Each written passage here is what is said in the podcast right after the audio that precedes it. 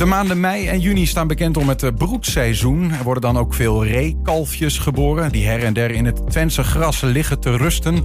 En dat is super schattig, die kleine bambies. Maar uh, ieder jaar moet Wildbeheer-eenheid West-Twente... wandelaars, vooral met honden, waarschuwen... om juist niet in de buurt te komen van de diertjes.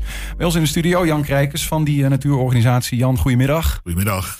waarom mogen mensen niet in de buurt komen? Nou, het belangrijkste is dat de dieren niet verstoord worden... En bovendien mensen en met name honden geven een geur af. En die, uh, dat werkt averechts op het moederinstinct van, het, van de reekalf. Of van, het, uh, van de reegeit.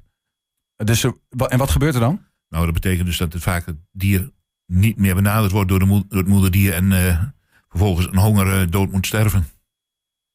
Dus als wij, want wat, ja, het is natuurlijk ook, het voelt ook paradoxaal voor ons mensen. Als wij dit zo zien, hè, hier op deze flyer, het is natuurlijk om op te eten. Dus uh, je wil juist naar zo'n diertje toe. Ja, nou goed, opeten is een ander verhaal. Dat gebeurt met de kerst vaak. nee, maar ik snap het, het is heel aandoenlijk, die uh, mooie reebruine ogen. Zo'n klein kalfje wat er schijnbaar hopeloos ligt. Ja. Maar dat is juist het, de, de manier waarop de natuur zo'n dier laat overleven... om dat zogenaamd hulpeloos stil achter te laten. En dat heeft er dus mee te maken dat als wij dat dier aanraken, dan komen onze lichaamsgeuren erop. En dan ziet zo'n moeder of vader of wat is het, niet, dat kleintje niet meer als, eh, als de zijne. Dat is... Nee, de, het ree is heel gevoelig voor geuren. En met name als het kalf een andere geur heeft dan het kalf zelf. Mm Hoewel het dier al heel weinig geur heeft van zichzelf. Om te zorgen dat het niet gevonden wordt door uh, roofdieren. Mhm. Wordt het toch niet herkend door de moeder als zijn een veilig kalf van haarzelf. Dan is de moederbinding nog niet sterk genoeg. Of moeder-kalfbinding nog niet sterk genoeg. Gebeurt om die het, angst Gebeurt het veel, ja, sorry. Gebeurt het veel dat mensen dat, dat wel doen? Want ik, ja, ik, vooral als je er één ziet liggen hè, in het hoge gras en je toevallig, nou, dan is het toch super schattig om er even naartoe te gaan. Ja, of even een foto te maken. Maar blijf er uit de buurt als je het ziet. Bovendien is het niet zo gemakkelijk te vinden, want dan sta je er vaak al bovenop. Ze liggen onder het grote gra hoge gras vaak, beetje in de struiken, toegedekt. Mm uh, doet niet zozeer de moeder, maar het gras valt er overheen. En dat is eigenlijk de beveiliging. Dus als je erbij staat, dan sta je eigenlijk al op een waarschijnlijk op een plek waar je helemaal niks te zoeken hebt. Ja, maar wat is het probleem met er dichtbij staan dan? Het dichtbij staan is dat je een geurspoor maakt als mens naar het kalf toe. En dat trekt, dat stoort sowieso de geit af, de moeder, het moederdier. Ja. En bovendien blijkt dat dat wel bijvoorbeeld de vos in het das kan volgen. Het spoor van, hé, hey, daar is wat. Ja, ja. Die zijn inmiddels zo ingesteld op de mensen in de natuur dat ze denken van uh, en dat ze weten van een mensenspoor dat kan ook voedsel betekenen. En dan valt zo'n kleine Bambi valt ten prooi aan, uh, aan zo'n vos. Dat is een natuurlijk voedsel, een natuurlijk proces. Ja, ja. Maar gebeurt dit veel? Uh, de, de, mensen, dat mensen er dus naartoe gaan. Is dat, is, want jullie waarschuwen je echt proactief. Hè? Zagen een flyer. bord, er staan borden, geloof ik zelfs, in, in het gebied. Heel veel borden worden geplaatst door grondeigenaren, door jagers. Ja. Altijd in overleg met de grondeigenaren. Van uh, geef een stukje voorlichting aan het publiek. Wat geniet van onze mooie Twentse natuur. Mm -hmm. Om te zorgen dat je toch je grenzen kent. En niet daar doet wat eigenlijk je niet zou, beslist niet zou moeten doen. Ja. Maar nogmaals, weten jullie hoeveel dat dan... Uh, exact niet, maar we krijgen elk jaar opnieuw meldingen. En wij gaan naar, wij zijn actief in het gebied van de gemeente Wierden, ja. Hellendoor, Rijs en Holten.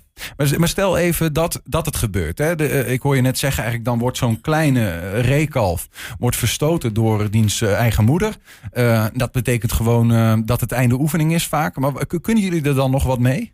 in principe weinig. Er is een stichting reeënopvang in Twente. Mm -hmm. Die vangen reeën op, maar vaak zijn uit de kalveren van, waarvan de moederdieren door een ongeluk omgekomen zijn. Die worden dan later opgezocht. Mm -hmm. En die worden daar opgevoed en later teruggezet in de natuur. In, in principe is dat niet de bedoeling om bewust kalveren die, uh, waarvan een moederdier nog in de buurt is, uit een uh, natuurlijk proces weg te halen. Nee. Um, dit, dit fenomeen, hè, dat mensen zelf te dichtbij komen of ze zelfs gaan aanraken of aaien, uh, dat is er één. Maar er is nog een gevaar voor de kleine reekalfjes. En dat is de maaier. Dat klopt. Op dit moment is er al heel veel gemaaid. En er wordt nog steeds gemaaid in boeren, op het boerenland. Gebeurt met uh, grote machines, met grote snelheid. En daar sneuvelt inderdaad het nodige. Niet alleen aan reenkalveren, maar ook jonge haasjes en heel veel jonge en broenende weidevogels. En dan zijn ook daar uh, mensen die, net als jij overigens, vrijwillig daar hun steentje bijdragen. Bijvoorbeeld in Geesteren, daar heb je een vogelwerkgroep. En uh, onlangs ging Twente FM met hem op pad om de reekalfjes te redden ja, van de maaier. Dat is echt een ja, ja. ja, ik zie hem. Ja, ik zie hem. Maar deze moeten dus verplaatsen, hè?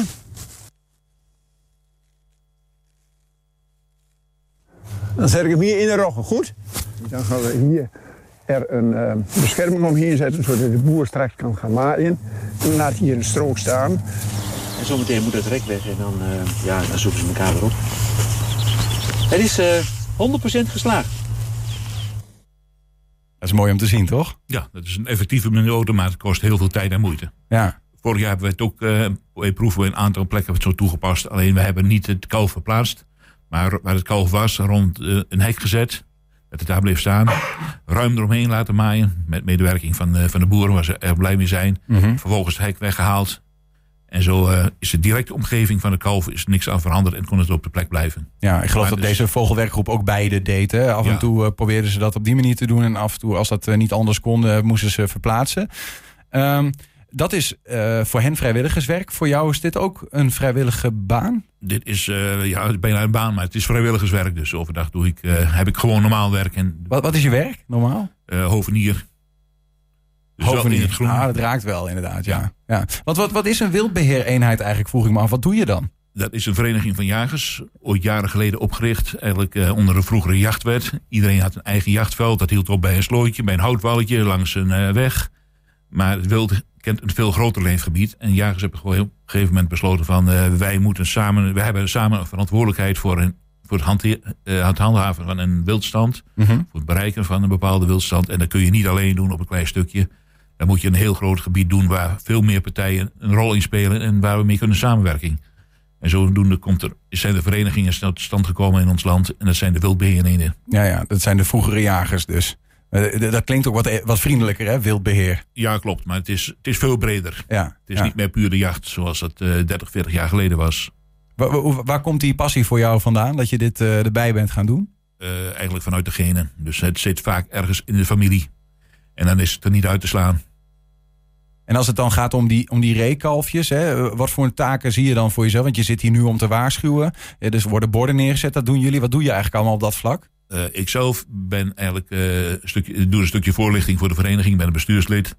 Maar wel een beetje een vreemde eend in de bijt. Ik jaag niet. Dus ik ga niet met een wapen om, maar met een pen of een toetsenbord. Ja, ja, ja. ja. En is dat uit uh, onkunde of onwil? Nee, ik heb ooit gejaagd, maar ben ik mee gestopt door verschillende redenen.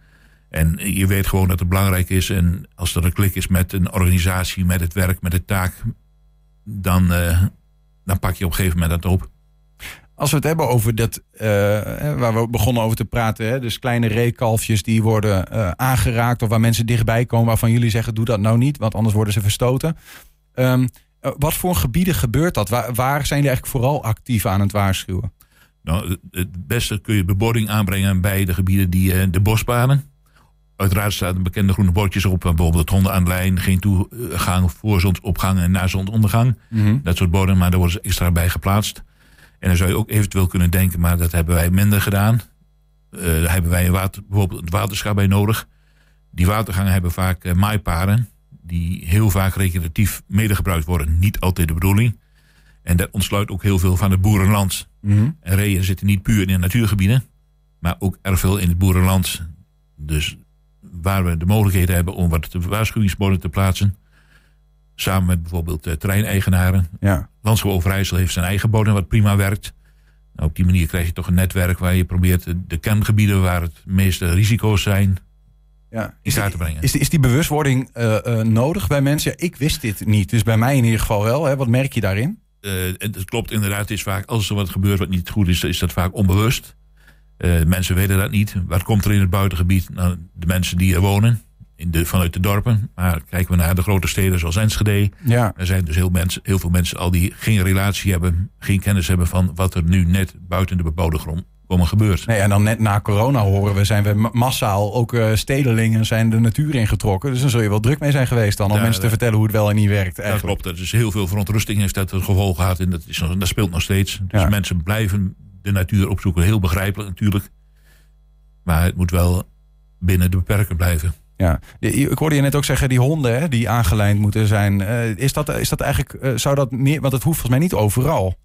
Is, is dat, of is dat standaard of in gebieden waar reeën in het gras zitten, honden aangelijnd? Nou, je hebt twee dingen. Je hebt de, de aanlijnplicht vaak binnen bebouwde kommen, ja. vastgesteld in de APV's van de gemeente. En in het buitengebied mag je ze in principe op de openbare weg los laten lopen.